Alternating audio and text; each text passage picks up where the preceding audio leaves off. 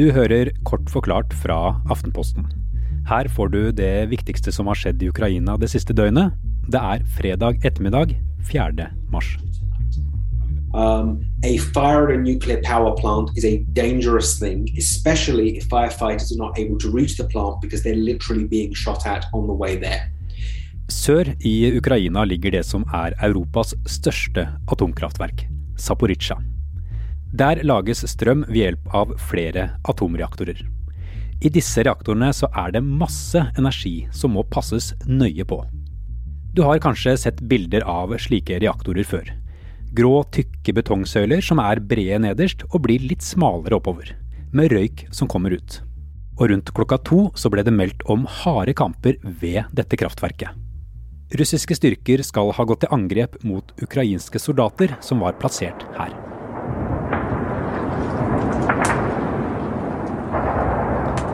Kampene de førte til en brann i en av bygningene på anlegget.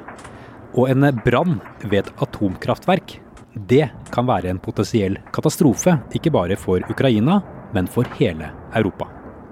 I natt sa Ukrainas president Volodymyr Zelenskyj i en video at dersom det blir en eksplosjon i dette kraftverket, så er det slutten for alle. Slutten for Europa. Якщо буде вибух, це кінець всім, кінець Європі, це евакуація Європи. Тільки негайні дії Європи можуть i morges ble det meldt at russiske styrker skal ha tatt kontroll over kraftverket, og at brannen er slukket. Ifølge ukrainske myndigheter er det skader på reaktoranlegget etter kampene. Både statsledere og fageksperter er rystet over det som har skjedd. Nato-sjef Jens Stoltenberg sier det viser hensynsløsheten til russiske styrker og behovet for å stanse krigen. This just demonstrates the recklessness of this war and the importance of uh, ending it and uh, the importance of Russia withdrawing all its troops and engaging good faith in diplomatic Kollega Kristoffer Rønneberg har fulgt situasjonen i hele morges og formiddag. Han sier det er flere grunner til at verden reagerer så sterkt på det som skjedde i natt. Det er faktisk aller første gang i historien at det har skjedd krigshandlinger så nær et, et, et atomkraftverk som dette her. Og Den store frykten det er jo at en av reaktorene ved dette kraftverket skal eksplodere, eller at eh, de blir skadet på en måte som gjør at det kommer radioaktivt utslipp fra dette kraftverket. Men hva er konsekvensene om det skulle skje en ulykke som følge av et uh, angrep ved dette kraftverket?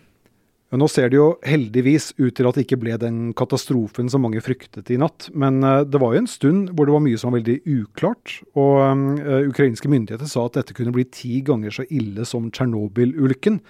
Og, og, Da kan vi huske at den ulykken, som også skjedde i 1986, var så alvorlig at du må fortsatt være forsiktig med å spise rimsopp og en del annen sopp i, i deler av Norge, fordi de fortsatt er så radioaktive. Og Da kan man jo tenke seg, hvis et atomkraftverk som produserer 20% av elektrisiteten i Ukraina blir angrepet, så kan jo det føre til en spredning av radioaktivt materiale som vil drepe og, og skade utallige mennesker i lang tid.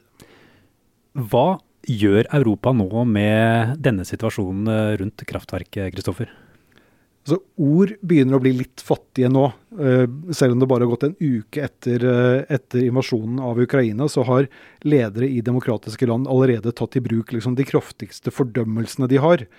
Og Vi hørte i dag morges at Jonas Gahr Støre sa at nok en gang måtte han fordømme russiske handlinger i, i Ukraina. Og så er jo da spørsmålet om ord skal bli til noe mer, om det skal bli til handling.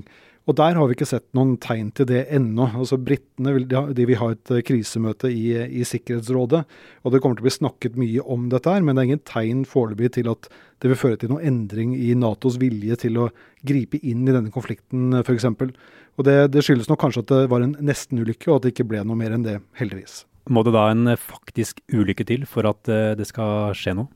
Altså For å si det på den måten, det blir ikke noe mindre fare for stråling hvis Nato skulle gripe inn i denne konflikten, så det sitter nok langt inne å faktisk ta en aktiv rolle.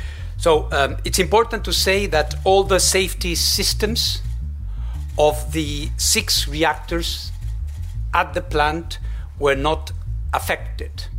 Lederen for Det internasjonale atomenergibyrået sier det ikke er registrert noen radioaktiv stråling fra kraftverket fredag formiddag and that there has been no release of radioactive material. I Russland har nasjonalforsamlingen, altså Dumaen, vedtatt nye lover fredag. Fra nå av kan de som sprer det Dumaen kaller falske nyheter om det russiske militæret, straffes med opptil 15 års fengsel. Et kriterium for å bli straffet er at denne falske informasjonen får det Dumaen regner som alvorlige konsekvenser. Ord som invasjon og krig er forbudt å bruke om russiske styrkers krigføring i Ukraina. I stedet så skal det omtales som en militær spesialoperasjon. Det var dagens korte oppdatering. På aftenposten.no får du analysene, kommentarene og alt du trenger å vite om det som skjer i Ukraina nå. I tillegg kommer det flere vanlige forklarte episoder om Ukraina-invasjonen fremover.